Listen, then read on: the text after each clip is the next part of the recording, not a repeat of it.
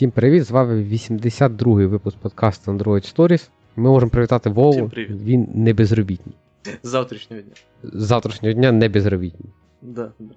Не знаю наскільки, надовго. Мені ще випробувальний термін треба пройти, але Да. Який я, кстати, закрив е, в середу. В середу. В середу мені закрили випробувальний термін. Мгм. Так що, да, я тепер. е, Я не знаю, що це поміняє в моєму житті, але всі говорили так, Я- що це дуже в мене було ну, при прив'язки теж, як у мене, типу, що Да, да, була, але-. О, ну Я от. тебе прошу. Це, це все на всього гроші. Ну, ну, якщо- дивись, якщо це все на все гроші, ти знаєш номер моєї карти. Раз в місяць скидай, Я будь тобі- ласка, да? Да. Я, я тобі всього на всього. Ні, я тобі не прошу всього на всього, я тобі аж саме дякую скажу. Е, Це, це, це ж круче, ніж гроші. Да. Да, е, що, е, як, як, я- давай так, типу, що, чим ти будеш займатися, як, як ти туди попав, як ти до такого життя скотився, що ти будеш ось цим займатися? Е, так, я, я, я, я, я буду е, лідити е, Android команду, яка буде е, займатися е, розробкою всяких point of sales терміналів для кас, всяких, всякого софта для цих е, waiters, як офіціантів. е, І тому подібно, і е, цих терміналів для оплати там за бензин, за е, ці е, всякі е, кавові автомати і так далі. Але Мгм. кому, до речі, цікавого, е, ніякого, на щастя, AOSP там нема. Тобто це буде звичайний Android. Е, типу, систему для нього попишуть там на, на, на заказ окремі люди. Е, ось. Е, ну і в загальному все. А як докатився? То докатився до того, що я довго спочатку відпочивав, е, потім нарешті не відпочивався. Е, рішив війти на ринок пошуку роботи, знаєш, відкриваючи двері з ноги. Е, зрозумів, що ринок трохи помінявся, вибачився, закрив двері, війшов, постукав, І- і зайшов війшов ще раз уже. Да, да, і зайшов нормально. О, тому що ринок на, на, на, насправді це е, повна трохи жопа, що в плані того, що в плані зарплат він просів. Але ну, це, це, це, це таке, як в плані зарплат. Що мені більше не подобалось, е, це то, що е, просто кількість бажаючих знайти роботу, як на мене зараз, в усіх е, ланках Android, як мінімум, саме я не можу говорити за всі е, спеціалізації, але якщо говорити за Android, е, то кількість бажаючих сильно перевищує кількість е, потрібних людей, які зараз шукають по вакансіям. І це призводить до того, що у мене не було. Коротше, я, я, я не, е, не завалив е, жодної технічної співбесіди. Е, проте головна моя проблема була попасти на цю технічну співбесіду. Е, тому що е, там 85% часу була просто проблема з тим, що мені ніхто не відповідав. Тому що спочатку я думав, типу, блін, ну напевно, в мене щось з резюме не так. Я його там ще, типу, трохи попереміняв, якось пе- переписав деякі речі, щоб вони гарніше виглядали і тому подібне. До- Подобавляв якихось скілів ще додаткових, не знаю. Попросив AI згенерувати по-перше, резюме. Ні, до речі, я для, цього не користувався ChatGPT, е, типу, тому що в мене воно і так вже було готове, я лише хотів його типу, якось покращити невеличкими змінами, ітеративними, такими, так сказати. Але насправді вже пізніше до мене дійшло, в чому проблема, коли я помітив, е, типа, е, я, я, коли я попадаю на співбесіду е, першу в порівнянні з. А, ну, або мені дають хоч якусь відповідь, в порівнянні з тим, коли я не попадаю.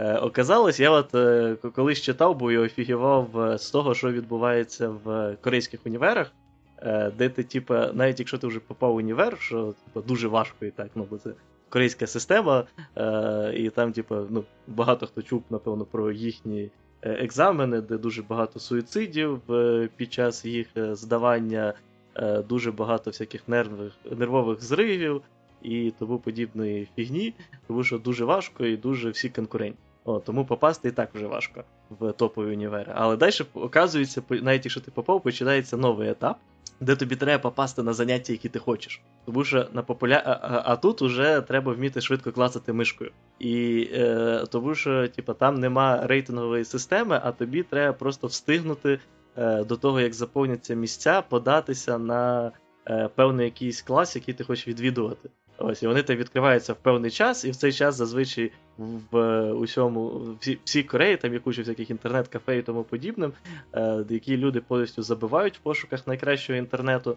Е, І, типу, просто трени... А, і там навіть є куча коротше, софта е, спеціального, який, типу, вчить тебе швидко класити мишкою. От, Щоб ти швидко дійшов, швидко класно, і ти нарешті попав. Коротше, у мене був приблизно такий ж досвід з е, подаванням е, резюме на джині. Якщо е, там вакансія появилася годину назад, і я встиг подати, то тоді, скоріше за все, мені дадуть відповідь. Типу, часто бувало, да, що мені відказували чисто по резюме, там, типу, у нас е, треба обов'язково там знання ASP, наприклад, у вас нема з тим досвіду, або там е, ми хочемо когось, е, у кого там бі... Е, типу, у нас є багато кандидатів, у яких там досвід.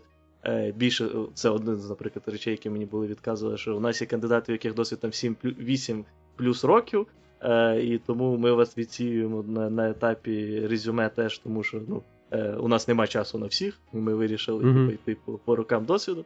Е, Ось, е, Але да, суть в тому, що якщо там я подавав через день, уже, наприклад, після того, як вакансія з'являлася, часто я просто вже не отримав ніякої відповіді, або деколи бувало, що отримав відповідь через місяць, там, наприклад, як було з Віксом. Е, Ось. Е, Ну, коротше, да, це була прям е, гонка. От, Що ти ще мусиш перший попа- подати, щоб ти взагалі встиг попасти на співбесіду. От, е- Ну, а далі. Я тепер зрозумів, що, що ти не похвалив, коли сказав, що я в Віксі дійшов до п'ятого етапу. До четвертого там. Е, ти ти поняв, чого я тебе похвалив? Да, да, да. От, ну, типу, коли коли я казав, що я на четвертому етапі провалився, такі, ти ще красавчики такі, ну, с хера ли бы. Да, я я, я, я до першого етапу вийшов. Ні, насправді Вікс мені запропонував йти на перший етап, але я вже на на, на той момент, на даний момент перед першим етапом прийняв офер від іншої компанії, тому е, поки що таки не встиг опробувати, як е, там Вікс проводить співбесіди. Е, да. А, блін, з Віксом, до речі, цікава історія. Е, я тепер буду, бляха-вуха, кожен раз е, перевіряти цей, перед співбесіду людей на LinkedIn, тому що мені приходить в LinkedIn повідомлення від від якоїсь. Причому, да, в самому LinkedIn, я не подивився, хто ця людина. Просто написала, що від Вікс, ну ну, як зазвичай, рекрутер. О, типу, давай поговоримо. От, і, типа, я такий, ну окей, ми зізвонилися. Вона тобі напарювала вік для твого підпроекту, да? Ні, ні, ні. Це це, це, це, це, це був мужик, по-перше, і він, типу, ну, розказав в загальному про вік, що як, е, що вони там очікують. Е, я його попросив розказати про свій досвід. Ну, я розказую, ну я так, типу, розказую спеціально е, там стараюсь обігати певні. Да, да, технічні якісь ага, деталі, ага. які типу, будуть незрозумілі, де цікаві, і так так більш, знаєш, ага. абстрактно дуже говорю. А це Ігор був? Е, да, по-моєму, Ігоря звали. Ага, ага. А типу, а потім. Клас, е, класний да, тип, да. Ми, ми, ми продовжуємо говорити, і там один момент він такий, типу, ми говорили там за те, що там у них React Native використовується, які до цього відносять тому подібне. Він такий, типу, ну я там теж React Native дуже типу, на, спочатку не знав, коли ми його взяли. Ось, але типу, дуже швидко його вивчив, і тут я поняв в голові, що щось іде не так. Да, типу, це, це, це, це щось не звучить це, це, це не рекрутер, це хед мобільної гільдії Вікса.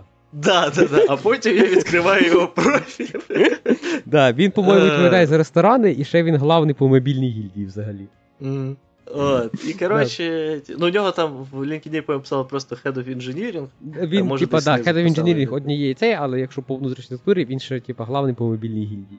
О, ми ще поговорили, я йому сказав, що я типу, дивився якраз їхній цей е, виступ, то був більш-менш зайовий. Ну, коротше, да, типу, це це було просто цікаво в тому плані, що я такий твою ж Да. Е, я думаю, що тобі Ігор написав незалежно від того, чи ти там подавався чи не подавався, він просто вже часто пише людям в LinkedIn. Ну, типу, що йому хтось попадається. Ні, він мені написав, що а, він да? бачив в Джині. Ага, ага, я понял, окей, окей. Ось, е, да, ну і коротше, типа, це це, це, це, це, так просто. коротше, Для тих, хто шукає роботу, перша порада, дивіться перед тим, як ви йдете з людиною на співбесіду, типа, хто він такий? Е, хто вона да, в літкідіні, тому що типа, не ти, завжди ти, перша ти, людина це рекрутер. Ти, ти, типа, просто не замітив, хто він, чи ти типа не знав, хто хто, хто він? Е, ну, я його по імені фамілії не знав. Ага, окей, окей. Ось, е, Тобто, типу, я для мене я я подумав просто ну, рекрутер. От, Тому я спеціально так, типу, знаєш, дам-даун все. От, Тому що, типу, ну, ко, як, чого би рекрутеру були цікаві там якісь технології. Да, це, це, це чи... класика, да. Ну, мені, кстати, подобається, як їх робить, що типу, з ним ти спілкуєшся з кимось, то типу, дупляє, про що ти говориш, може доволі типу, багато про що обсудити. От, ну цей етап, на щастя, я від цього не зафейлив. От, Тобто ми домовились були потім на першу співбесіду, просто я вже потім від неї відмовився. Е, Ось, е, щоб не витрачати їх час. Е, Ось, да, це це, це, це, це ось таких, коротше, перших е, загальних е, порад. А, з е, з цікавого з того спів... я, співбесід, які я провалив. Е, ну, одну, е, типу, я міг насправді бути на роботі набагато давніше. Одну, можливо. З одною компанією, яка мені теж досить подобалась. Я теж прийшов був там технічні всі етапи і мав лише поговорити ще з SEO. Е, але тут е, це насправді було дві таких компанії е, з похожою ситуацією, але з одною навіть не встиг пройти технічні, з одною встиг. І почалась війна в Іраці. Ну, опять же, а, більш да. повномасштабно. Да. Ой, в Іраці, в, Ізраїлі. В Ізраїлі, ми поняли. Ось, да. Ну, а це, до речі, да, багато компаній, теж, в яких були вакансії, вони ізраїльські, і відповідно ці вакансії теж почали припадати з джином. От, Ну і да, там теж мені сказали, що поки що відміняється, що типу, переноситься на невизначений термін, і буквально там, що пройшло десь уже скільки, три тижні, чотири тижні, там буквально того тижня мені відписали, що вибачте, але типу, враховуючи ситуацію, поки що компанія закриває цю вакансію, е, якщо типу, вона відкриється знову, то типу, ми вам От, е, Да, І з такого ще цікавого, одну е, в одній компанії, е, ну я не буду називати її, але вона така більш-менш відома. Я прийшов технічну частину, е, і типу, я провалив цю частину з Project Manager. Типа, з того, що я не очікував. Ну, типу, точніше, на момент, коли я вже спілкувався, я очікував, що я це провалю. О, Тому що мені спілкування е, типу, не не, не сподобалося, я типу, через силу видавлював відповіді на багато питань. Але типу, я просто на, до моменту з самого початку співбесіди якось взагалі не не, не думав про те, е, що. Тому що зазвичай спілкування з Project Manager це так для галочки. Ну, у мене, по крайній так мірі було найбільше співбесід. У мене а, а, або так, або я так само по одній співбесіді не прийшов, я коли шукав роботу, теж спілкувався з Manager, вона мені написала, що я їй не підходжу. Тому що я сказав, що, типу, sorry, але ну, в них була умова, що вони шукають людину, яка буде допомагати їм писати мобільну апку м- на part-time. Я такий, ну, вроді все підходить, там, допомогти команді, туди сюди, типу, і вона сказала, типу, ну і code review. А це була позиція, типу, мобільного архітектора. Ну, типу, якось так вона називалась. От, я кажу, кажу, sorry, каже, у вас, типу, дві команди, Android та iOS, по 5 людей, я маю робити все code review, спілкуватися з бекендом і, типу, встигати це все у 20 годин. Вона така, ну да. Я очікую, що ви будете це робити такий. Я кажу, вибачте, я вам зразу скажу, що типу, я не буду робити code review, mm. типу, це unreal. Ну, типу, unreal за 20 годин в тиждень рев'ювати код 10 людей, і при цьому е- планувати систему взаємодію з бекендами і з е, оцим всім. І в той вони мені відмовили по причині, що вони знайшли людину, яка більш типа фамільяр, ну типа більш знайома з технологією якогось фреймворка, який в них використовується на бекенді. Запір, okay, якось цікаво. так. Ну, коротше, був якийсь фреймворк. Я такий, типа, ну, да, окей, типа, хорошо, типа, я кажу, мені дуже шкода, дуже сподобалось, але жаль, що не зійшлися. Е, ні, мені цей, типа, е, там було ще так смішно, коротше, з рекрутершою, тому що вона теж була присутня на всіх етапах. І вона, коротше, така, типа, е, мені відписує спочатку, що, типа, там, коли цей. Після співбесіди там пройшло два дня чи що. І вона мені пише спочатку, що там вибачаюсь, типу, ви не не пройшли. Ось, але там, типу, не не, не, не беріть близько до серця.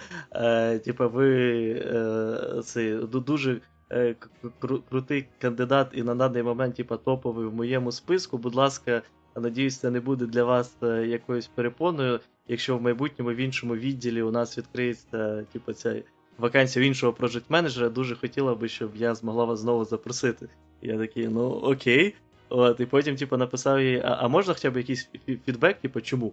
От, Ну, щоб знати от, в загальному. От, е, Там вона сказала, да, я запитаю потім, але казали, що коротше, project менеджер е, пішов на цей е, відпустку, і вона мені сказала просто, що, типу, ну, на жаль, нормального фідбека отримати не вдалося, але, типу, тому що е, project менеджер іде в відпустку якраз. але, типу, що він просто вирішив, що ви не підійдете в команду. Е, Ось, це була, до речі, просто сінія розробочик, це не не, не тімліцька позиція була.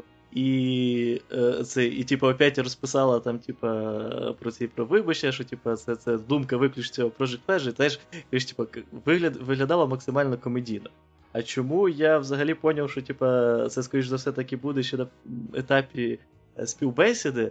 Я не знаю, може я в цьому плані странний, але коли людина пробує створити мій психологічний профіль за оцих 45 хвилин е, співбесіди е, з Project Manager, мені важко типа, е, тримати стабільне лице і не дивитися на людину, як типа, на трохи поїхавшу. Як не дібіла, ти хотів сказати. Да, а, да. А, давай так, а що таке створений психологічного профілю? Бо в мене таке на співбесідах не питають, я відомо. Типа, ну, у, у, у, у, не, ну, не в тій компанії, відомо, ходжу. Да, він задавав, типу, запитання якісь там про те, що я думаю, що я чувствую, та далі, і потім пробую їх якось там. Він использує якусь систему круга, от, там у себе її одночасно, типу, описував, і потім, типу, казав, типу, співпадає це, це, цей профіль з тим, як я себе бачу, і тому подібна річ. Е, от, Ну, коротше, типу, вся співбесіда була в такому вигляді. Тобто, типу, він там е, питав про якісь мої погляди на щось в загальному, і, типу записують ці дані, і потім по яко, по якійсь системі типу, зводив до якогось типу е, лічності. Ось так. Да. Ні, це ж це ж, це ж, це ж, ну, типу, це ж цей, ну, душевно хвор. Ну, об'єктивно. Ну, це, ну, типу, це, це, це, це... це теорія Загора, я, а він я... був в шапочці з фоліє, щоб рептилоїд його не прослуховували. Е, ні, ні, не був. Це насправді, типу, я читав про таке не раз. У мене це вперше, але я читав не раз про таку фігню в американських компаніях. Е, типу, е, що що, що там така фігня буває. От. Ну, У мене в цілому взгляд на це типу, дуже простий в тому плані, що взагалі, типу, обично психіатрам, психіатри досить довгий час. Типу, Дуже багато сеансів. Е, Типа просто створення психологічного профіля це в цілому річ, яка існує. Я тобто, я, я, я дивлюсь детективи. Я, я, я дивлюсь детективи, там, типа, е... люди створюють їх. Ну, але це, як правило, стосується середніх маньяків, а не андроїд-розробників. Е, да, ну тут, е, е, да, але типу, просто це є більш до того, що це зазвичай робиться не, не по оцій якійсь програмі, яка шукається в інтернеті, типу, підходить мені хлопець чи ні. Е, по по, тому, який колір йому подобається. А, е, типу, це зазвичай довгий е, труд на багато сесій, і в кінці тобі зазвичай приписують, які таблетки пити. А він питався, хто хто ти по гороскопу? Ні, ні, не питався. Не, не хорошо робить свою роботу. Нормальний, Нормальніше спитався по гороскопу. У мене О, це, мене було е... одна одна подія. Од, один раз в мене таке був в компанії, де я зараз працюю. Я проходжу співбесіду. Ні, ні, ну це було не так. Це це, це було не так. Е, я проходив співбесіду, там якась там одна, друга, третя, ну коротше, типу, це і далі співбесіда фінальна з CEO компанії. От, е, І ми, типу, щось спілкуємося, і йде абсолютно, абсолютно стандартний діалог. Технології, погляди на технології, там, архітектура, не архітектура, типу.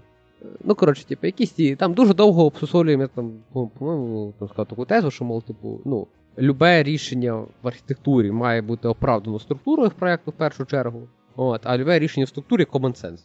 Ну, тобто, що ми всі йдемо від sense, далі структура вже поверх теорії. Ну, коротше, обговорюємо ми оце. І тут вже так закінчення співбесіди. Доволі, ну, напевне, хвилин 35 класного діалогу про якісь типу, штуки, трохи про життя, трохи про технології. Ну таке, все воно вокруг, типа, такої, типа, гіковської теми, скажімо так, мінімум. От.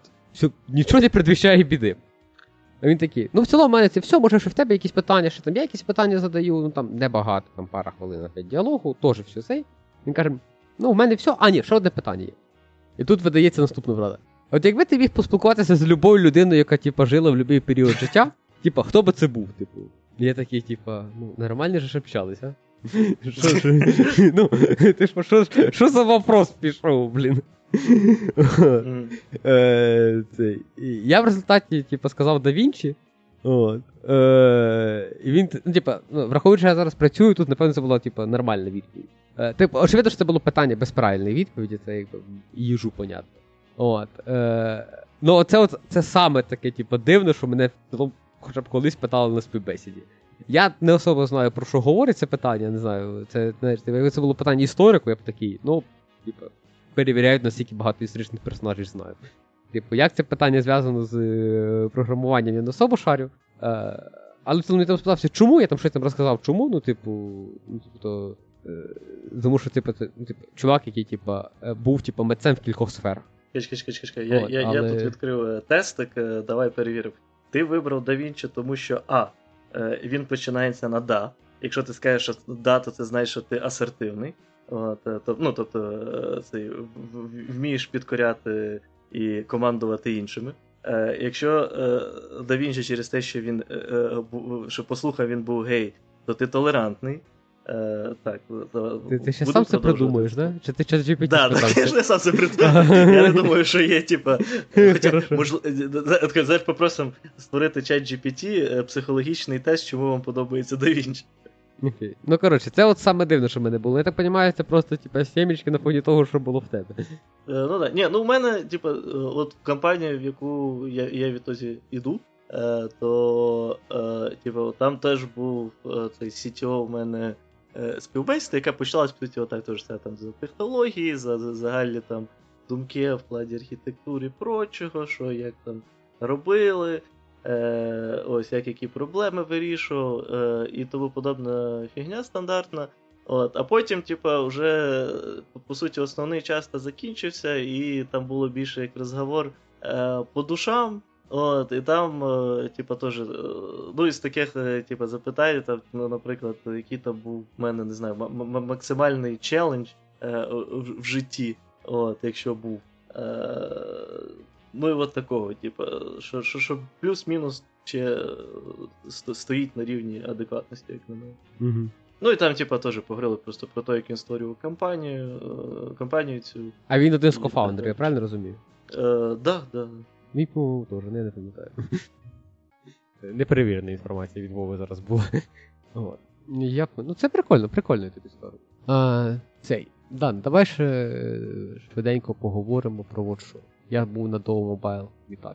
А, І- блін, давай ще лише я, я докину на рахунок от співбесід, е, типу, з того, що мені не сподобалось, що я не реку... якщо наші слухачі будуть проводити співбесіду, е, типу, парочку ві- ві- від мене е, тепер як людина, яка була по, по, по ту сторону, е, да, тобто яку співбе... е, які проводили співбесіду, е, що, що мені не подобалось. Тому що треба завжди ще пам'ятати, що коли вам проводять співбесіду, то ви одночасно якби проводите співбесіду е, людям, які вам її проводять.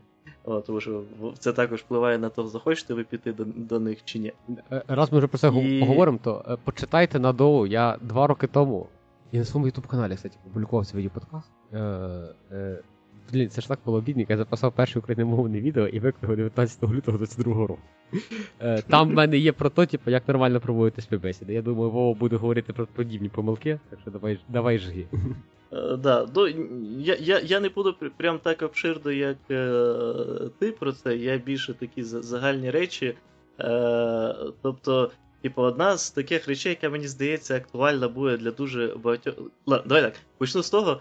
Е, типу, чому я думаю, що є великі проблеми з е, проведенням взагалі співбесід і тим, що люди це роблять часто дуже дивно. Е, типу, от є програмісти, да? які там багато років е, вчаться програмувати, програмують і так далі. В один прекрасний момент їм е, кажуть, типу, чувак, треба проведи, про, найняти ще одну людину, е, проведеш співбесіду. От. Е, на даний момент у нас, наприклад, є програміст Вася, у якого там 3 роки досвіду програмування, нехай буде на андроїді, і 0 років досвіду проведення співбесід. Тобто це співбесідний джун. Е, або трійні, співбесідний трійні. Е, ось, але йому треба провести співбесіду. Людина, понятне діло, е, не, не має ніякої, ніякого уявлення, як це робити. Все, що в нього є в якості прикладів, це те, як він проходив співбесіду, а особливо, якщо він всі ці три роки працює в одній компанії, то може він компанії, то може він навіть ніколи і не проходив е, співбесіду.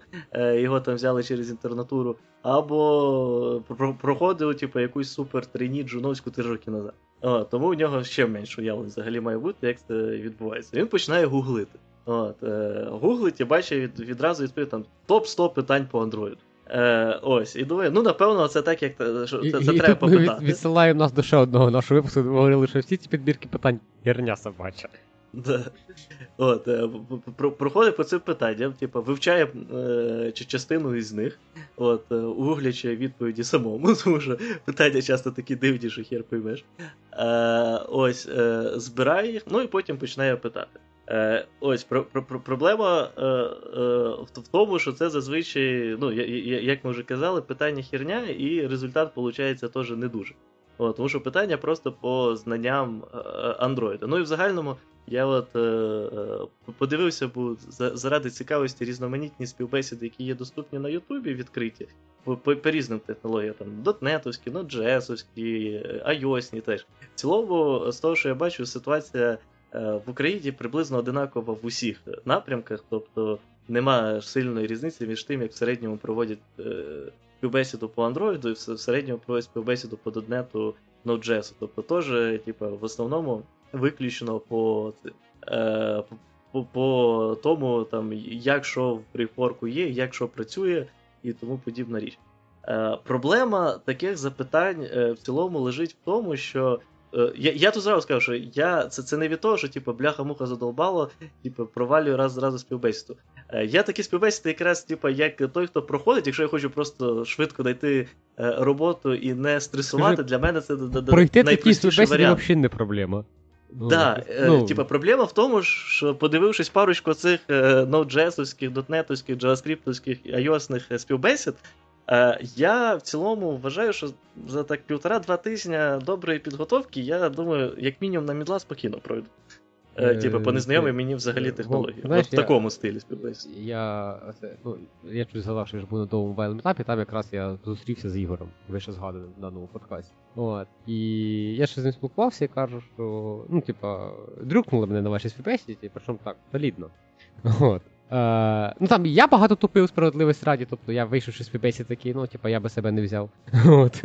Е, І ми ще з ним заговорилися, і я такий, типу, ну, типу, я планую там, не знаю, ну, типу, не знаю, в якій часовій перспективі, не знаю, може 5 років, може, може, може менше. Не думаю, що менше, може більше. Вот. Е, Типу, я до вас ще раз прийду, типу, бо він каже, о, а типу, що це так от, ну, типу, що, взагалі є таке бажання? Я кажу, кажу, ну якщо ви всіх так підбираєте, то я хочу працювати з цими людьми. От, А ну, скоріш за все, вряд ли в мене типу, з ними була якась типу, виняткова співбесіда. Да? Ну, тобто, скоріш за все, це була співбесіда, яку вони проводять для всіх. От, я такий, ну, типу, якщо чуваки всіх так підбирають, то знаєш, ти, типу, в хорошому універі. Ну, типу, е, я щось думав, що якщо взяти всіх вступників, всіх людей, які вступили в Гарвард, просто закрити їх на 4 роки в одному великому приміщенні без нікого іншого, за 4 роки вийде багато розумних людей. Ну, тобто, тому що виключно обміном думками між самими собою і ресерчем якоїсь інформації, вони ну, непогано все зроблять.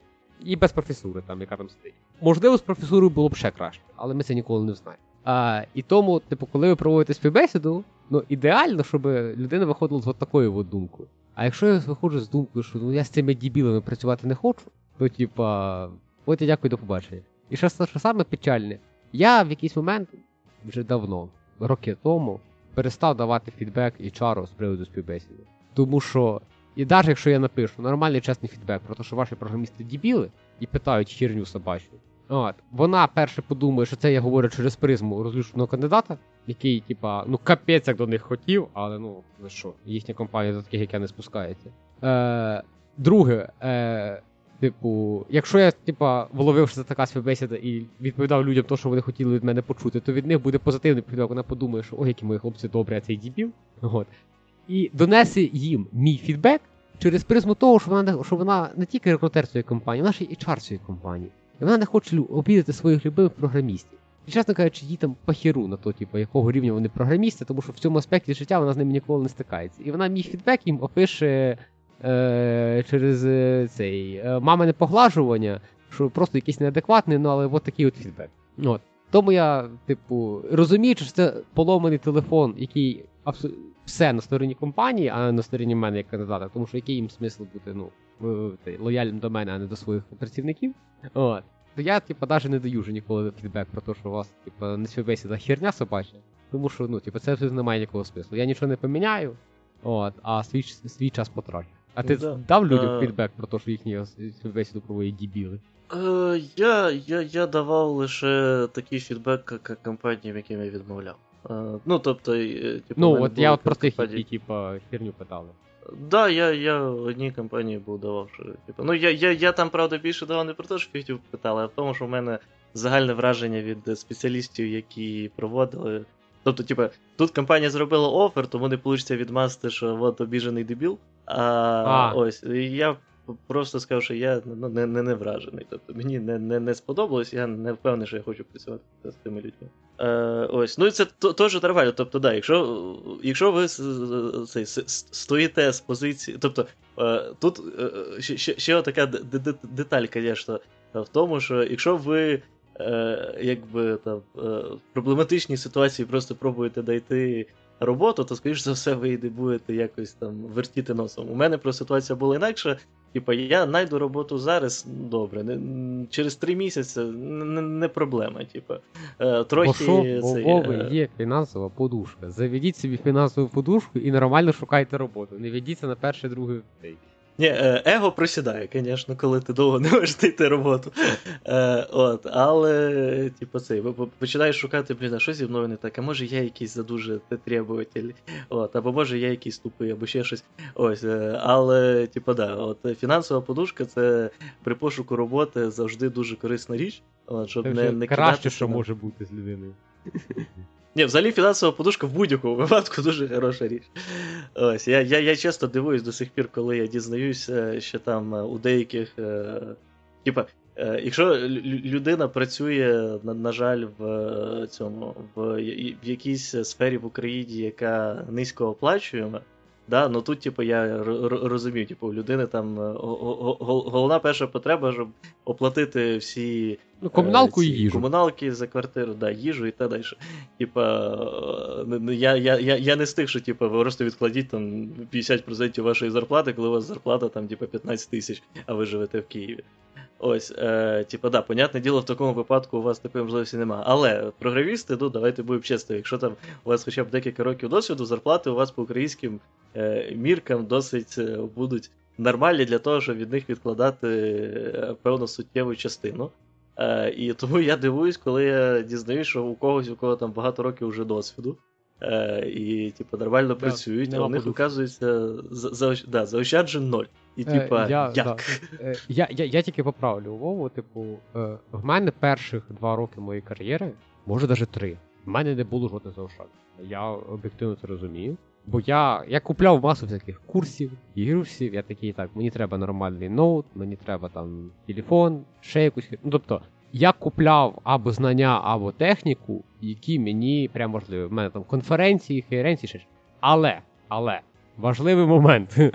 Тут цей цей hold my beer. Я все знав, що я в будь-який момент маю 100 гривень, сідаю на автобус, приїжджаю до батьків і кажу, добрий день, я поживу в пару місць. Ну тобто, я розумів об'єктивно, що в мене є є ця опція. Ну і в мене було доларів значно. Ну я не планував їх продавати. Ну тобто, типу, на момент початку кар'єри або не початку самостійного життя, whatever, ну тобто, ви розумієте? Тобто, план Б, який включає, типу, що ваша дитяча кімната ще не переобладнана під щось під щось інше. Типу, це нормальний план Б. Ми вже, по-моєму, десь його обговорювали. Ну, типу, це, типу, make sense насправді. От, е, Перших перші два роки, напевне, можете купити білет на конференцію. Купіть білет на конференцію. Ну, типу, зараз це ну, не дуже актуально. Теж Або... залежить від людини. Типу, не, не, у кожного просто є теж і така подушка в плані того, що на батьків можна. Е, да, да, да. Типу, якщо ви, типу, ці, тобто, ну, понятно, що якщо у вас немає такої опції, то очевидно, да, вам треба все якусь подушку. Але я про те, що, типу, е, агресивно заощаджувати гроші, я би починав там не з першого року роботи, а там після третього, четвертого. Тому що мені здається, що перших три роки все, що ти можеш вкласти в покупку книжки, ноутбука, телефона, ну, телефон не обов'язково, напевне, книжки, ноутбука, е, поїздки на конференцію, або там ще якоюсь фігньою, або на нетворкінг, е, типу, це треба робити дуже сильно допомагає, ну, чим набагато краще, ніж відкладних 500 баксів. Тому що через два роки, особливо коли ти починаєш старт в ІТ, в той період, коли я починав, в тебе там зарплата на початку росте доволі швидко. Е, Ну, типу, маю на увазі, якщо пропорційно рахувати, а не в реальних грошах. От, е, І виходить, що ти там півроку збирав 500 доларів, а через півроку тобі підняли зарплату на 500 доларів, це такий. Ну, на на, на 200 доларів це такий, типу, я відкладав 6 місяців, там 5 місяців по 100 доларів в один місяць не відклав, бо там, не знаю, треба було купити зимню куртку. О, і зараз мені підняли зепку на 200 баксів, типа, тобто в мене є, типа, дві моїх різниці в новій зарплаті. Ну, ахірітельно. Типу. Ну тут я я, я не до кінця з тобою погоджуюсь, тож мені здається, що це часто якраз е, е, загальна проблема, е, з, з, з якої все починається. Тобто, е, типа, мені здається, що у багатьох людей, у яких не виходить відкладати, не дивлячись вже на великі досить зарплати, е, в тому, що у них якраз оця е, постійне очікування з, з, зростання доходів. Е, і вони не роблять цю зупинку вже е, ніколи. Тому що типу, ніфіга зараз відкладати, якщо типу, потім я і так. Ну, ти ж замічаєш, що спочатку в тебе була зарплата там 150, потім 300, потім там 600, потім там, не знаю, там 900, е, там штука, ну там. Тобто, що спочатку, типу, які це спочатку, типу, там інкріси, типу, процентно, процентно, а які, типу, потім. Ну, тут, прям... тут тут, все, все, тут проблема в тому, що звичку часто зламати важко. Типа, коли коли ти вже підсів на те, що ти тратиш всі гроші, для тебе це повністю нормально, е, мені здається, часто важко вийти з цього стану. У мене була ситуація така, Типа сінусоїдна, певний час. Тобто, коли я почав там працювати, моя перша зарплата була 300 доларів. Але при цьому я знімав кімнату в квартирі за, якщо мені зраджує пам'ять, 630 гривень.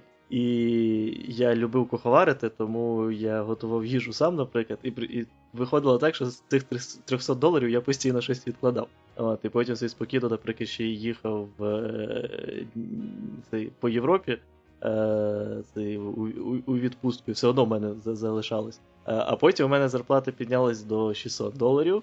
Е, при цьому, е, типа, у мене почалися е, ці стосунки на відстані, і я постійно катався по Україні. І отут то я просів в ноль у всіх своїх заощаджень. От. Ну, але потім мені підняли зарплату. і типу, це. Але насправді я пам'ятаю, от після того, як в мене був деякий період, коли я був от якраз на дні заощаджень, да, що мені от піднімали зарплату, причому на, на, нормальними кроками але я все одно її витрачав повністю, е, тому що було важко цю е, звичку е, зламати. Ну, правда, все одно я в один момент доріс до до, такого до, до такого рівня, що типа, ця штука зламалася сама. Типа, звичка, тому що я просто не встигав вже. Ось, Це але, це допомагає, типа, так, согласен. Типа, деколи да, да, але є, тут, тут... є все це ощущення, знаєш, коли ти такий, типа, прийшла зарплата, ти такий, фак, вже прийшла зарплата. Типа, а в мене ще з попередньої трохи є. О, окей, окей. Ну, просто, да, але Тут теж е...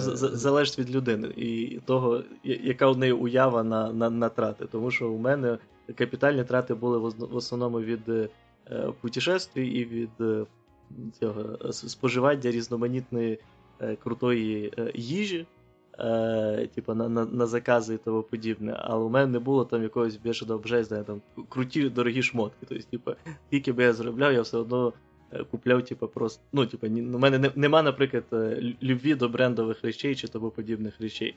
Або там, не знаю, у когось там на ювелірці може бути пишатися, або ще щось. Тобто, типу, Дуже залежить від людини. Для багатьох е, дуже спокійно можна заробляти і 15 тисяч в місяць, і при цьому, ну, доларів, виноді не гривень, угу. і при цьому, типу, тратити їх всі. Е, да, Вов, тут ще треба сказати, що ми з тобою виховані в традиціях Західних областей України, де є оця свята трійця, Діва Марія, Господь Бог і Бенджамін Франклін.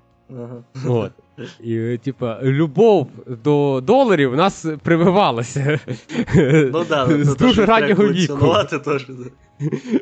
Тобто, ну, причому, мені здається, що тут трійцю не в тому порядку ще перечислили. Там спочатку мав бути Бенджамін Франклін, потім Діва Марія, і потім вже Господь Бог. От. От. І це, типу, це нам дає, мені здається, дуже велику фору на фоні там, вихованців центральних областей чи там інших, де не було такої цієї, е, де не виховують е, любов до Святої Трійці. Е, так, ладно, щоб да. ми ми не да, все затягли, я ще останнє довкину, е, типу, по по таким загальним речам, типу, то, що я зустрічав в деяких е, компаніях, що вони, компаніях, що вони переходили на. Е, типу, от є відчуття, що вони почитали от різні, може, то, що Вова писав, е, може, у когось іншого, але оцю ідею про те, що е, треба більше питати по тому, наприклад, що людина конкретно. А, я, я да, коротше, що людина конкретно має робити у вас е, на проєкті, задавати якісь е, запитання, де людині потрібно буде задизайнити щось, тобто систем дизайн, якусь е, систему невелику, екран, е, там, фічу, тому подібне. Тобто, як людина в цьому плані міркує. Е, Були такі, що в мене є відчуття, що вони це почитали, але тут проблема реалізації деколи. Е, Тобто, е, типу, одна з речей, які мене найбільше бісила, було якраз за такими типами співбесід, де у людей, е, типу, вони пробували е, питати за більш таке, типу, то, що можливо потрібно їм буде на проєкті і тому подібне, але не були впевнені до кінця, що їм потрібно. Це раз, а друге, то що е, боялися дати відповідь. Типу, я це так назву, напевно. І, типа, задавали питання так, що хер пойме, що вони питають. І ти, ну, я тоді зазвичай починаю просто дуже обширно розказувати. Ось, е, і кажу, ну зупиніть, типу, я не розумію до кінця, що ви саме хочете. От, можна, типу, так, можна так, можна так. І час до мене була, типу, претензія, не, не дивлячись на те, що я проходив при цьому цю, технічну співбесіду, була претензія, типу, що ти дуже, у тебе часто, типу, є то ти кажеш, типу, що можна отак зробити, можна отак зробити. Залежить все від того, е, які типу, потреби і так далі. Типу, в таких випадках так, в таких випадках так. А хочеться більш конкретно, типу, якийсь один. Так от, люди, якщо вам потрібно, щоб у вас була конкретна відповідь на питання, воно теж має бути конкретне. Тобто, у мене був от такий, е, типу, анекдот, типу, напевно, люди опять же дочитали, що типу, запитайте там, попросіть, щоб людина задизайнила там такий-то додаток чи такий-то додаток. Ось. Ну і вони, напевно, це прочитали. Ну і мені так і буквально кажуть. Е, ну, от уяви, що ти маєш задизайнити якийсь диз... додаток. Типу, як би ти це робив? Типу, яку би ти вибрав архітектуру і так далі. От, Вов, типа... критичний. Ти би вибрав кілька критичний, обложив би все інтерфейсами, От, і на і в інтерф... під інтерфейсом були б абстрактні класи, під абстрактними класами класи. От, ретрофіт ти би обернув в інтерфейс, потім в репозиторій, репозиторій під інтерфейсом зробив би общий абстрактний репозиторій, який нічого не робить. От, там би написав би юзкейси, юзкейси під інтерфейсами, е, які використовуються, викликаються з інтеракторів, які теж обернуті в інтерфейсі. Написав би до цього діла view модель, обернув би її в інтерфейси, поверх compose функції теж написав би інтерфейс. От, Потім для того, щоб це все передавати, ти б взяв би Flow, але Flow це жорстка прив'язка до API. Тому ти написав би свою реалізацію, якусь поверх Flow, яка була б врапером, для того, щоб ти міг легко в момент з'їхати з Flow. Але хто ж напрямую за реалізацію? Ти зразу би покрив її інтерфейсом. От, це все це все ти робиш для того, щоб е, ти тратиш час на всю цю херню, для того, щоб мати можливість написати тести, які ти ніколи не напишеш. Ну, до, до речі, во... на на подиві, на щастя, воїнів інter... за інтерфейси я не не, не, не зустрів, але от, типа, просто, якщо ви вже беретесь за оцей підхід, що ви хочете, щоб людина е, вам е, цей спроектувала якусь фічу і тому подібне, опишіть, що ви хочете для початку. Тобто мені приходилось на одній співбесіді прям окей, яку фічу? Ну, да, типа, добре, давайте я буду придумувати розетку. Підійде. От, Вони такі, добре. Я говорю, ну буду придумувати таку фічу, підійде, добре. От, ну Це це ненормально. Типа, ви маєте давати задачу. Найпростіше, це типу, у вас і так є додаток, який ви робите. Ну візьміть звідти фічу. Тобто люд... ви і так да. прогоните людину по тому, типу, що вона і так ще буде в майбутньому працювати. Ще й, можливо, вам людина підкаже щось в новому світлі, про що ви не думали раніше. Е, Ось, тобто, ось, ось така річ, не робіть суперабстрактних питань. Типу, придумайте, якщо ви хочете дізнатися, чи людина знає, наприклад, про якусь технологію чи про якусь проблему, е, придумайте чітке, чітку задачу, яку можливо рішити е, саме використовуючи цю технологію. Але при цьому не дивуйтеся, якщо людина все ж придумує інший підхід, який окажеться ще краще, тому що цілком можливо, що ви не все знаєте теж ідеально. Ось, але тим не менше, типу, придумайте нормальні констрейнти. Е, Ось, ну і останнє, типу, як додати таку загальну пораду. Е, типу, да, дивіться на на, на свій проект, дивіться, що в ньому використовується. Ідіть, відштовхуючись від того, відштовхуючись від спіч, які ви самі робите. І останнє, якщо ви вже хочете когось спів... проводити якусь співбесіду, проведіть її спочатку на своїх людях. Типа, виділіть годину-дві е, на те, щоб про співбесіди когось то вже у вас в команді, получіть фідбек від нього. Е, і це більш в цілому покращить. Дуже сильно збільшить шанси, да. А, да. Дивіться, у нас нема часу вже думаю обговорити ще довго, вмахався. Але ти читав мій твіч, і я що два доклади просто офігенні на довго мобайлний да. тайп. Їх то було три. Там просто було два офігенні доклади компанії, які я згадав, Battery.me і VIX. І був один неофігенний, про який я просто вирішив не згадувати. Ну тут вам розкажу. А, Коротше, виходить продукт. Це був єдиний нетехнічний доклад. Ну, раз, два технічних, а всього їх три. Виходить продукт і розказує, який в них офігенний продукт мейнсет в компанії. Що в них, е, коли е, розробляється фіча, я зараз буду тези давати, на які я потім оправився, коли задавав питання цій людині. Там питань, по-моєму, на відео не було, да? Е, які будуть Ні, не було. Да, там ще був QA. Коротше, тези, які от, ви собі уявляли картинку.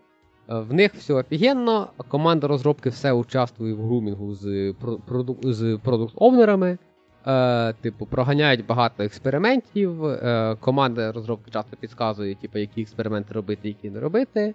Е, Дуже прикольно все. Команда розробки максимально інтегрована, тому, тому що коли продукти з нею спілкуються, команда розробки все може підсвітити е, моменти, типу, коли продукти сказали щось не нативно для цієї платформи або ще щось. От, е, Також вони допомагають дизайнерам це все малювати, щоб юзати більше якихось системних компонентів, хоча в них кастомний UI, який не не, не зав'язаний на Cupertino чи Material. От, Також е, в них була велика проблема, що в них дизайнери малюють все з дуже красивими макетами, красивими фотографіями, красивими лого, а в них user-generated content. Відповідно, з user-generated контентом це не все виглядає так красиво, як, як, як на дизайні. Але ну, очевидно, зараз ставка від мене. Очевидно, що дизайнер не може вставити просто некрасиву фотографію в дизайн. Тому розробник, коли розробляє фічу, сам підставляє user-generated content і скидує відосики в Slack канал з демкою фічу, яку він тільки що запедалив. От. Е, Що там ще з такого офігенного? А, а, Ну, коротше, це, по-моєму, основний скоп, який я розказав тобі. Як тобі? Як тобі інтеграція команди розробки в продукт ну, Mindset? У мене питання, яке. Типа, я я чесно А, і ще, я, типа, я ду, ду, дуже класно, коли типа, команда розробки говорить дизайнерам дуже рано, типу, щоб вони не врахували якихось edge про які команда дизайну не в курсі. Типу в flow. Е, це, я я дивився був цей виступ, але я його дуже погано запам'ятав, і типу, я у цих двох перед подкастом передивлювався презентацію, щоб ми детальніше говорили. А от цього не не передивлюсь, тому що а. мене спочатку не зацікавив. Ну я думаю, що ти йому запит... задав запитання, типу, чому у вас до сих пір працюють ці дизайнери? Да, я типу, ну, ні, ні, я насправді я не фанат задавати питань на. Я ніколи не є пер... людина, яка перша задає питання на конференції. Я сижу, думаю, ну тут десь 50 людей. Ну, не всі ж хтось задасть це питання. І було питання дуже похоже до мене, але я вважав, що градус е, питання був недостатньо недостатньо, недостатньо накальоний. От. Тому я піднімаю руку каркарвивер. Моє питання буде похоже до попередніх. Але ну вам не здається, що ви командою розробки просто компенсуєте непрофесійність команди продукту і команди дизайну. От. І чувак такий, та ні. Не такий, ну, та ні, так ні. Ну, коротше, типа, це він там довго типу, розказував щось і думаю, ну, розказувати і розказувати. Коротше, це все, що не суть. Після того ще кілька питань, де чуваку явно намікають на бас-фактор. Тобто, через кілька питань все скривається до того, що там є Android-розробник Саша. Треба покликати його подкаст. От, uh На якому тримається ця, ця штука, який, типа, і за дизайнерів подумає. Нехай покричить. Покажіть оцей жест, що вас тримають заложника. Ну, коротше, я це все дослуховую. Да? Це все не, не, не самі. Ну, коротше, офігенно скажи. Ми ми, ми, ми знайшли Android-розробника з найбільшою в Україні зарплатою. Да. О, Це все не це. Ну, коротше, Ця компанія, вона частина холдингу, в якому я зараз працюю. Вона не просто частина холдингу. Приходжу я якось на роботу, піднімаюся в ліфті, а я все заходив з іншого входу в будинок. А тут щось зайшов. Зайшов з цього входу. Ні, ні. І там, типа, так заходиш, а там, типа, одні двері, типа, одна табличка, другі двері, друга табличка. Ну, знайома табличка. І згадую, що це продукт з цієї контори. Mm. Офігенно. Що вони з нами на одному поверсі сидять. Тема? Да, Ну, проблему пофікшу. Я такий думав, якось неловко вийшло. От. Да. Ну, короче, тобі теж, да, я так розумію, доклад, типу, від продукту не не, не, не супер цікавим. Не, ну, типа, там це було на, на, намішано з того, що я пам'ятаю, типу, парочку речей, які за, дуже очевидні, з кучою проблем, які, типу, вирішені, по-моєму, не самим раціональним чином. Ну, мені сподобалось, коли, коли, просто моє питання, я таки думаю, задавати, ну, коли він сказав, що розробник скидує демку в Slack канал. Що відбувається, люди? Я вас все окей. Ні, ну це це, це, це, це вже новий рівень жесті, цього не було на на самому цьому по-моєму. Ні, це було, було, було, було. Це, це явно часть докладу. А, може я тоді провтикав про цю, що він скидує отак демку, е- щоб показати, що все хріново. Е- да, цікавий доклад. Це знаєш, так, типа, блін, е- типа, основний страх, е- і ти з якимось, е, типу, от якщо ти ти там придумав якусь. Е, Основний типу, страх, що річ, ну, типу, ти вважаєш. що всі розуміють, що ти йдеш показати краще, що є у вас в компанії, да? От, а пок... а, типу, ну, а, а, а об'єктивна реальність інша. І всі сприймаються через призму того, що ти показуєш краще, що у вас є. Бо це доклад, ну, типу, на довгому етапі. Ну, вряд ли ти, ну, типу, да. вирішив показати гірше, що у вас є. Це ж не факап найт, щоб розказувати гірше, що у вас є. Угу. Ну, е, да. А чекай, яка це компанія була? Як називалась? Зараз, в мене стікерпак від них є. Кстати, стікерпак прикольний. Стікерпак мені від компанії подобався. Так вони, виходить, виходить, показали найкраще, що в них є. Да, там, типа, це от прот печки, юзери протестять, оце от все. Не шарю, я не знаю, стікерпак. Ну, коротше, да, це по голову. А, да, так кажи. Ну, я думаю, назва компанії особо рішає в цьому в. Ні, я я, я далі хотів вже цей за за, за Better сказати в першу чергу, що на на них я мав спокійно гнати, тому що у них немає ремоуту. А у них немає ремоуту?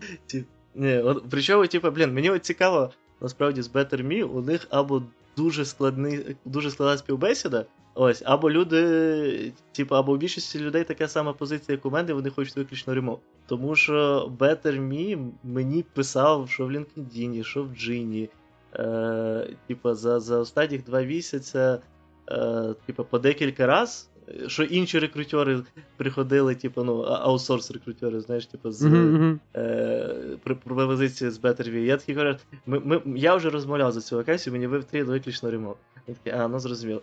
І буквально десь е, там 2-3 дня назад, я не пам'ятаю, я коротше вже прийняв е, цей офер. І пише мені опять е, цей рекрутер з BetterMe в е, LinkedIn, такий, а, а ви ви випадково у вас не помінялась ситуація? О, ну, типу, в плані того, mm-hmm. що я все ще хочу виключно ремонт. А де їх офіс? О, тобто, е, тобі настільки не цікаво, що ти навіть не питався? Ні, я питався, я просто не пам'ятаю. Е, По-моєму, у них десь е, в цьому. Е, блін, де, де, десь в центрі, по-моєму. Ну вони, ну, типу, зі всім генезісом не... тусять, чи в них віддільний офіс? Е, Я не знаю, де офіс Генезіса, тому. Я типу, знаю, де офіс Генезіса. А, чекай, це той, що біля тебе там? Бо, я працюю в Генезісі конторі. А, ну да, точно, точно, точно, блін. Я все забуваю, що ви частина Генезіс. Ну, точніше. Ви врахуєте частину Генезіса чи ні? Ну, партнером, я не знаю, як це правильно сказати. Пар... Пар... Партнером. А, Ярославська 58, я не йшов їхню. Давайте подивимося. Ярославський Ярославський вал чи Ярославський? Я просто Ярославська стріт пише надовго, без без вал. А, я, я знаю, є отдільно вал, отдільно цей. Я знаю, де Ярославський вал. Це це, це недалеко від Майдана. Там там, там рекомендую дуже. Ну, як мінімум раніше було, зараз не певно, давно там не був. Дуже крутий ресторан є цієї іспанської кухні. А ось де Ярославський, я чи скажу Іспанії. А, це прямо на берегі ріки. Ну, заток. Ну, я пам'ятаю, що у них, по-моєму, там офіс був на більш-менш нормальному цьому положенні, тому що. Ну ні, це трошки їбіння подолу, яка... насправді. А, ну, так, да, типа, да, не на супер, типа. Ну, це типа на Подолі, але це не той Подол, який ти собі представляєш як Подол. Так, да, просто одна, е, ну да, там уже індустріальна частина mm-hmm. Подолу. А, а просто одна компанія була, у яких офіс був на Троєщині, тому я вже нічого не дивився. Mm. От, Була кампанія з офісом на лівому березі. Ну, типу, я так більше для цікавості дізнавався, ну, е, але все одно. Ось. Е, да, Ну, коротше, типу, у Me, або кажу, дуже важкі ці співбесіди, тому їх просто ніхто не може пройти. Або... З того, що я чув по докладу їхнього андроїдних ліда, і з того, що я в цілому чув про цього чувака як про типу, спеца, ну, типу, я думаю, що він сильніше нас може бути буде. Або так, як ми. Ну, тобто можна очікувати, що співбесід десь проводить так, як ми. А це, мені здається, ну, вище, ніж типу... е, середній ринок по по Києву, там, чи там по Україні. Я я просто пам'ятаю, наприклад, у, що у Revolut, як мінімум, була похожа ситуація, тому що коли я прийшов співбесіду з Revolut, кстати, Revolut зараза, я я би хотів до них зараз піти, але вони не не, не, не, не беруть людей з України. Е, Ось то е, у, у Revolut коротше, коли я був прийшов, то мені е, цей, е, і коли відмовлявся, е, то мені рекрутер сказав, що типа, цей, що, що до мене е, щось у них 29 людей, по-моєму, були, і типа жоден не прийшов.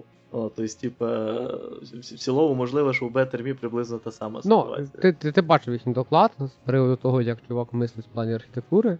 Е, і я спілкувався з ним після доповіді, і е, ми обговорювали, чи треба переїжджати гредлом на Kotlin. І, і, і в нього і в мене думка, що нафіг це не треба в системі зборки. Якщо ви тільки не закриваєте ризик найму. Ну це навіть більше моя думка. Мені здається, він прям типу, фінально був проти. І ми з ним доволі хорошо обговорили і зборку, і то, що Kotlin впирається повільніше гровій через об'єктивні причини, через е, типізацію. От, і що це, типу, імпактить цей. Ну, тобто, він мені виглядав як людина, е, ну, типу, з якою я, типу, абсолютно був би не проти попрацювати. А, а це, скоріше все, означає, що він проводить співбесіди вище, типа, там, середнього рівня, ну, як мінімум по Києву, це точно. Типа, якщо він є Типу, от я от не знаю, чи він проводить співбесіди, чи це типа відповідальність е, продуктових команд, коли вони до себе щось не бирають. Тому що, наскільки я зрозумів, він не є ніякій продуктовій команді всередині, він виключно, е, якби. Він, якби це їхня інфраструктура тім. Угу. От, Ну, е, з, з докладу у мене в цілому склалось враження, що враховуючи складність їхньої системи, у них там мають працювати досить е, непогані спеціалісти, тому Да, думаю, да. да, у них мають бути. я думаю, що типу, що це все-таки співбесіди, що вони. Ну і блін, знаєш, що згадав, ну, я зараз спеціально даже перевірю. Мені здається, що у них, у них ще може бути одна проблема. Е, мені здається, що у них я бачив, коли дивився їхню тоді ще е, давно вакансію на Джині. Там на Джині збоку. О, я знайшов Бетермі. Е, а, ні, нема, ладно. Е, мені здавалось просто, що можливо. Е, цей, ні, він що, нормальні можливо, у них є тестове. А, Ні, ні, е, ні, вилки, до речі, пише, не відповідає зарплатним очікуванням. Ну, окей, окей. Ти мені в вакансію відкрив Мідловську? Ну, у них просто Android інженер. Ага, ага. Ну, мені здається, що раніше підходило, тому що. е, По-моєму, підходило. Можливо, можливо, це інша вакансія, не знаю. Можливо, у них було окремо сеньорство. А тут пише просто Android інженер. Коротше, н- н- не знаю. Я думаю, я думаю, що це по суті мікс того, що і треба досить крутого спеціаліста, і одночасно проблема з тим, що сильно обмежує ринок е, людей, на тих, які шукають. Ну тут навіть перевірити цей. По цьому е, по відгукам. А, ну до речі, ти, ти ще мені скидував. Я пам'ятаю, мені Да, да, да. сподобалося, яка ще до того і Scalar. Е, тому що мені ідея маркетплейса для коміксів е, цікавий продукт. Ось, але теж, типа, вони, у них до сих пір вакансія висить, що вони шукають, і у них, типа, та сама фігня, тільки ой. Ну, да. але опять же, у них вилка не супер.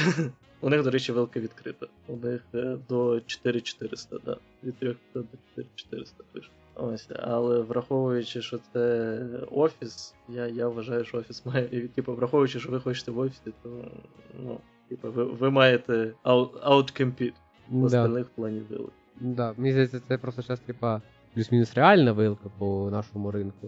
Угу, М, угу. Ну так, якщо ти ще хочеш офіс, треба бути більш реальний вилка. А, окей. Е, Ну, що, до- будемо до речі- закруглятися, чи, чи ще щось сказати? Ну, да- давай, може, Better Me хоча б до, до цього договоримо. Я, у мене просто від е, цього доклада такі з- з- змішані враження. Е, типа, е, ну, просто ти, ти кажеш, у тебе получився прям вау-фактор. Я думаю, що ще може бути пов'язано з тим, що ти там е, був е, особисто, і ще, ще може наклалось то, то, то що типа, це перший мітап е, за довгий час. Я можу сказати, чому я вражений від докладу абсолютно об'єктивно. Е, Там не віщали херні про те, що вам треба інтерфейс, він архітект і оця вся шляпа. Тобто там Ну, люди да. реально вирішували проблему архітектури. В них є їхня задача. Вони сіли, включили голову і придумали архітектуру, а не вірили в казочки про те, що всі архітектори, оказуються, в цьому світі нафіг не потрібні, тому що є одна універсальна архітектура, яка всім, яка всім це. Вони типу, не гралися в український аутсорс, який це от, е, ну, чаржі за архітектора, а потім тобі приходять і напарюють якусь фігню про те, що ну, типа, і дають відповіді на абсолютно на які питання, на які ти ставив перед людьми, коли підписував з ними контракт. Е, типу, у мене враження приблизно м, наступні. Тобто я не, не вважаю, що вони віщали якусь діч. Е, Моя проблема загальна, і причому з Віксом у мене буде схожа проблема. Е, От ось е, Better Me, е, вони е, розказали про Redux підхід, розказали, як до нього переходили. Е, Проблема в тому, що якщо зжати в цілому от, е, все основне з їхнього докладу, я не побачив там абсолютно нічого нового, що я не слухав на докладах 3-4 роки, які просто розк... 3-4 роки назад, які просто розказували е, про Redux, особливо коли він популяризовувався був в React і потрохи пробували його продати на мобайл.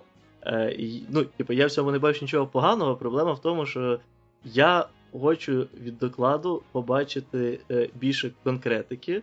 Тобто я хотів би більше прикладів, там, можливо, на рівні якоїсь невеличкої фічі, які би показали, які були. Отут у нас була конкретна проблема АБЦ. Ось як вона була вирішена за допомогою редакста, і чому ми вибрали саме його. Mm-hmm. Там же ж розмова була набагато більш абстрактна. Е, абстрактних розмов про редакста ну, дуже дохіра. Е, і було багато виділено часу на оцю ідею того, що типу, і тепер у нас нам все набагато більше подобається, все стало більш зрозуміліше і тому подібне. І е, я не люблю е, оцей, е, типа, сказати просто про те, що стало зрозуміліше, легше і так далі розширяти і тому подібне. Це якби обов'язково так, ну, по-швидкому. Ну, як на мене, вони робили сильний е, цей. Е, блін, слово забув, стрес, е, акцент, коротше, на цьому ось. Е, і е, моя проблема з цим підходом в тому, що е, тут, опять же, можливо, мене зараз закриють помідорами. Е, Моє враження, якщо ти береш, у тебе є якийсь продукт, особливо великий, ти починаєш переписувати його куски. Е, Практично, як би ти їх не переписав за хріново чи добре, е, Стане краще. перший час після переписування, не то, що стане краще, а тобі буде здаватися, що стало краще е, певний час. Е, тому що ти знову погрузишся всі деталі е, того, що там є, і твій рівень розуміння цієї системи на цьому конкретному куску сильно покращиться на певний час. Ось, поки воно не стане опять засталим, е, тому що ти не не, не, не, не, співпри... ну, не працюєш з цим куском постійно. Е, Тому було би цікаво, перше, а, щоб е, це було там через, грубо кажучи, два роки е, аналіз е, того, що ось два роки назад ми перепитали цей кусок, і на даний момент розширюємость його, типу, в порівнянні з цим куском, який був не переписаний просто. Типу, там, ну, у них це, це переписування вже триває роки два, наскільки я пам'ятаю, на цей от новий підхід їхній. Дуже з докладу. Так, да, але проблема в тому, що.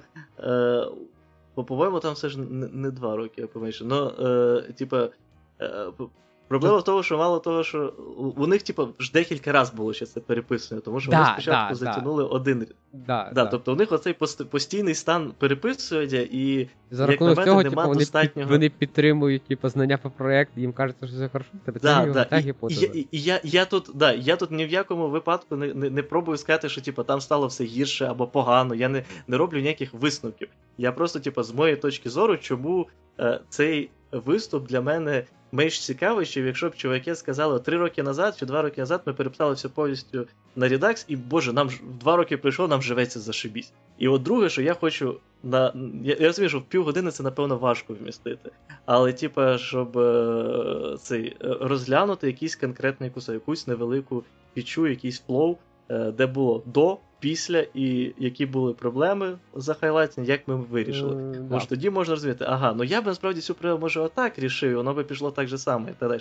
А так, коли абстрактно, тобі нема за що зачепитися. І в цілому з VIX, з, з, з, у VIX е, було. Е, більш цікаво з тим, що. Ну там, типу, е, все було абстрактно. Я тут тільки ще про Петрим більше би сказав. Е, мені взагалі, типу, якщо оцінювати не доповідь, а підходи, мені більше сподобалася реквізурка, у нас була передостань. Коли в них, типу, аля редакс на один екран. Ну, типу, мені. Тобто, тобто я не фанат цього, типу, one state per application. Ну, типу, це як для мене трошки оверкіл. І оце от е, перебінжування стейту по-любому втіху на весь ап.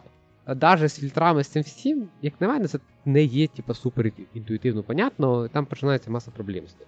А, От підхід, коли. Ну, них... для мене теж. Тому я би хотів побачити якусь да, да, доказову да, базу. Да, І це це, це, це їм задавалося в питаннях, теж. Тобто, що питання довго не включили все. Тобто е, це їм задавалося в питаннях, там теж по цьому поводу було окреме обговорення в е, живу. Е, От попередній підхід, от який в них проміжний, оцей Redux per application, можливо, я би додав ще б якийсь типу upstate, але Ну я б app state пхав тільки то, що треба прям всюди, або в 90%. Все інше я би закривав якимись custom скопами. Тобто, да, є в мене 5 фічей, які мають єдиний state, і це прям дійсно 5 різних фічей. Ну, я б робив якийсь custom scope, і сам би просто менеджив lifecycle цього діла. І тримав би там якийсь свій, типа, singleton на рівні цього скопа е, для шерінга стейта, який мені там потрібен. Ну, от вони сказали, що вони суті так робили, їм стало важко. От якби Да, вони да, я- показали, Да, от я от стало це, це, це то, що я теж не встиг, бо мені ще було цікаво поспілкуватися з іншими людьми, бо я там побачив. е, е, Ти пам'ятаєш його з академії е, Льоша Пікенцей, який нас працював, цей, який відвалився доволі рано. Ой, Андрій, по-моєму. Божечки, ти, ти, ти поняв. Коротше, чувак, який, типу, на початку академії нам подобався, бо він багато що робив. Ну, типу, багато хорошого домашніх задавав. От, і з його ще зустрів, зустрів там ще якихось знайомих. Ну, коротше, типу, в мене не було часу послухати прям всіх. От, але, да, типу, попередній підхід мені, мені імпонував набагато краще. Е, з, Віксом мені було трохи більш цікаво в тому плані, що там був е, JavaScript і е, використовував. Ну, типа, такий одночасно, типа, для мене був повернення в щось більш минуле з е, їх підходами з бродкастами, наприклад, для общення з е, нетипізованим е, зверненням до контрактів інших е, цих е, бізнес-модулів через е, е, типа, регістр е, контрактів відповідно на уровні енджина. Е, звучало цікаво, але опять же, типа. Якби е, чуваки описали все ж просто загальну цю е, штуку, е, яка теж не, не, не, не, по- не то, щоб сильно прям унікальна, і не було Да. і було якихось конкретних прикладів. Воно в них дуже сире, я тобі вже кажу. Тому що я, я типу, що ти розумів, я половину докладу просто випав в мене голова. Тому що я дивлюся доклад, і в якийсь момент він показує package log, package JSON engine. І показує паралельно package JSON е, готових application. Я дивлюсь на це, і я розумію, що фак. Ну, типу, це повний перебор всіх dependencies. Тому що log нормально скласти нереально. Ну, по об'єктивних причинах, бо в тебе, типу, одні dependency в engine, плюс в тебе application непонятно, що підключив, що, що не підключив. Там в кожного з тих компонентів свої dependency, це NP повна задача. І я сиджу останні хвилин 20 доклада, знаєш, за скріншотченим оцим от package локом і package JSON. І не понім... А я розумію, що це, що це fucking deal. Ну, що це, типу, на там зборці багатьох application це рано чи пізно встрілить тобі в ногу. А вони ж розказують, що всі можуть взяти стару версію engine, любу версію компонента, все Да, працює. це Ти-ти-ти-ти-ти, мене я теж сильно здивувало. і такі, факт, це НП повна задача. Ну, типу, це, це, це нерішаєма задача математики. Люди.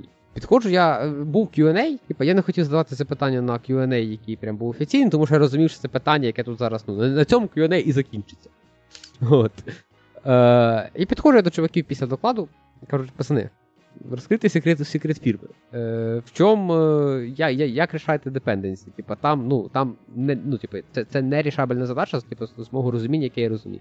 Я думаю, зараз мені чуваки повідають якусь тайну цього світу. Вони кажуть, та ніяк, ми два тижні тому про це знали. Окей, я, я, я просто якраз хотів сказати, що от єдине, що от в мене запитання ще було. От вони розказували про ці чудеса з dependency, як Да. це насправді би працювало. Ну, от по суті, да, ти запитав його. От, я, я його питаюсь, він каже, ніяк, ми про цю проблему, ми цю проблему замітили, проблему, про яку ти говориш, ми замітили два тижні тому. Класно? Ну, доклад уже був запланований. Ні, ну вони, типа, да, ну, типа, в них, ні, давай так, типа, вони не забили болт, в них є робот, який провіряв, що все збирається. Просто він не вирішував проблему. Він говорив, що проблема є. І вони починають вводити, типа, мінімальні версії. Ну, коротше, весь типа, булшит, з яким живе вся індустрія. Типа, оце совмістимо з цим, оце з цим, перебор, типа, більше-менше і вперед. Да, ну і в цілому воно тут ла- ла- ла- ламається кра- красота підходу. Е, ну да. і там, типа, було ще. Ні, ну вона не зовсім якби- ламається, тому що ти можеш сказати, що від такої-то версії до такої-то версії, але да, ламається. Ось, е, ну і типа. о- Опять, типа, з- загальному кажу, для мене було в першу чергу цікаво, тому що це, по крайній мірі, було не, не, не щось стандартне е, в плані того, що стандартне андроїдне і тому подібне. Да, да. Е, Але, Не типа, розказували, як речей Recycle View написати. Да, да.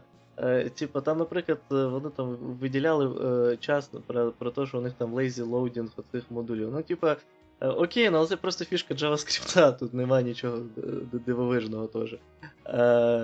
Типу, в цілому, спілкування, то, що у них немає інтердепенденсі, які не йдуть через engine.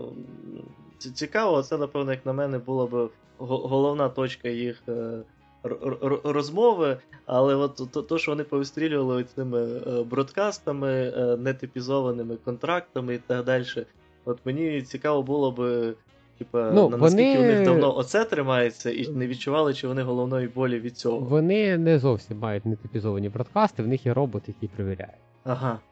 Тобто воно аля не типізоване, але CI-ка все перевіряє. Ну, я ну це, це, це теж насправді стандартна е, джа- JavaScript Да, да. фігня, де ти контракти описуєш окремо собі там. Да, ну насправді, типу, я там спілкувався з чуваком, типу, про робота. А, хоча ну, них все на TypeScript. е, Просто у них є да, частини, які вони використовують через N. Да. Да, е, да. Е, Ну, коротше, я спілкувався з чуваком про їхнього робота. Ну, типу, я там до кінця там не порозпитувався, але ну, я собі представляю CI, яка тисяча апок підтримує оновляє. Ну, це Ні, ж, в будь-якому типа, випадку, да. Deal насправді. Тут, е, там, знаєш, там, це, це, е, типа, послухати- на, на такому масштабі, це, типа, big fucking deal це зробити насправді.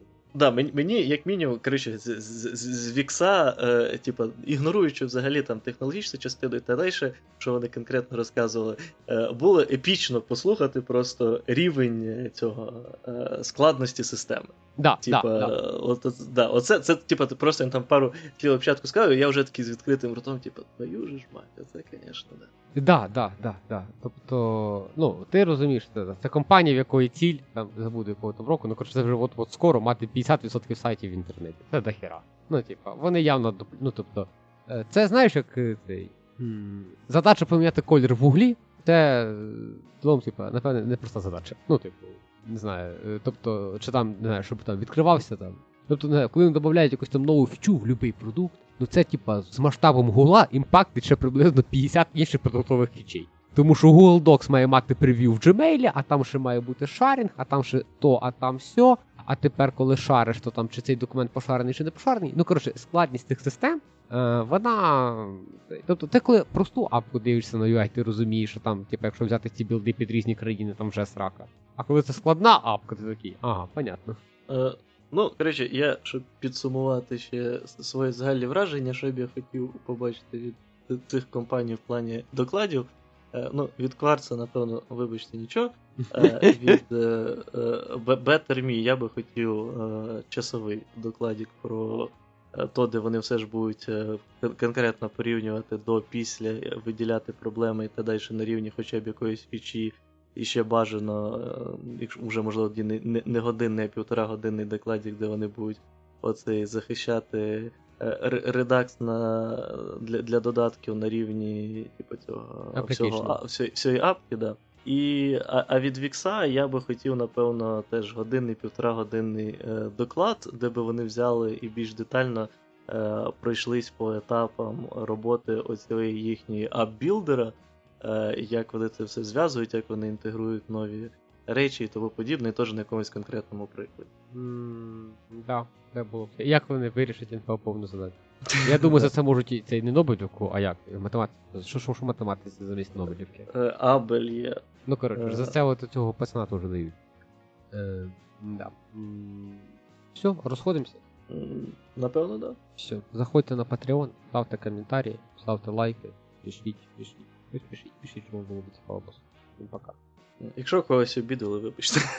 Всі- Всім дякую, всім. Перед вами Е, вибачався тільки один з ведучих. Пока.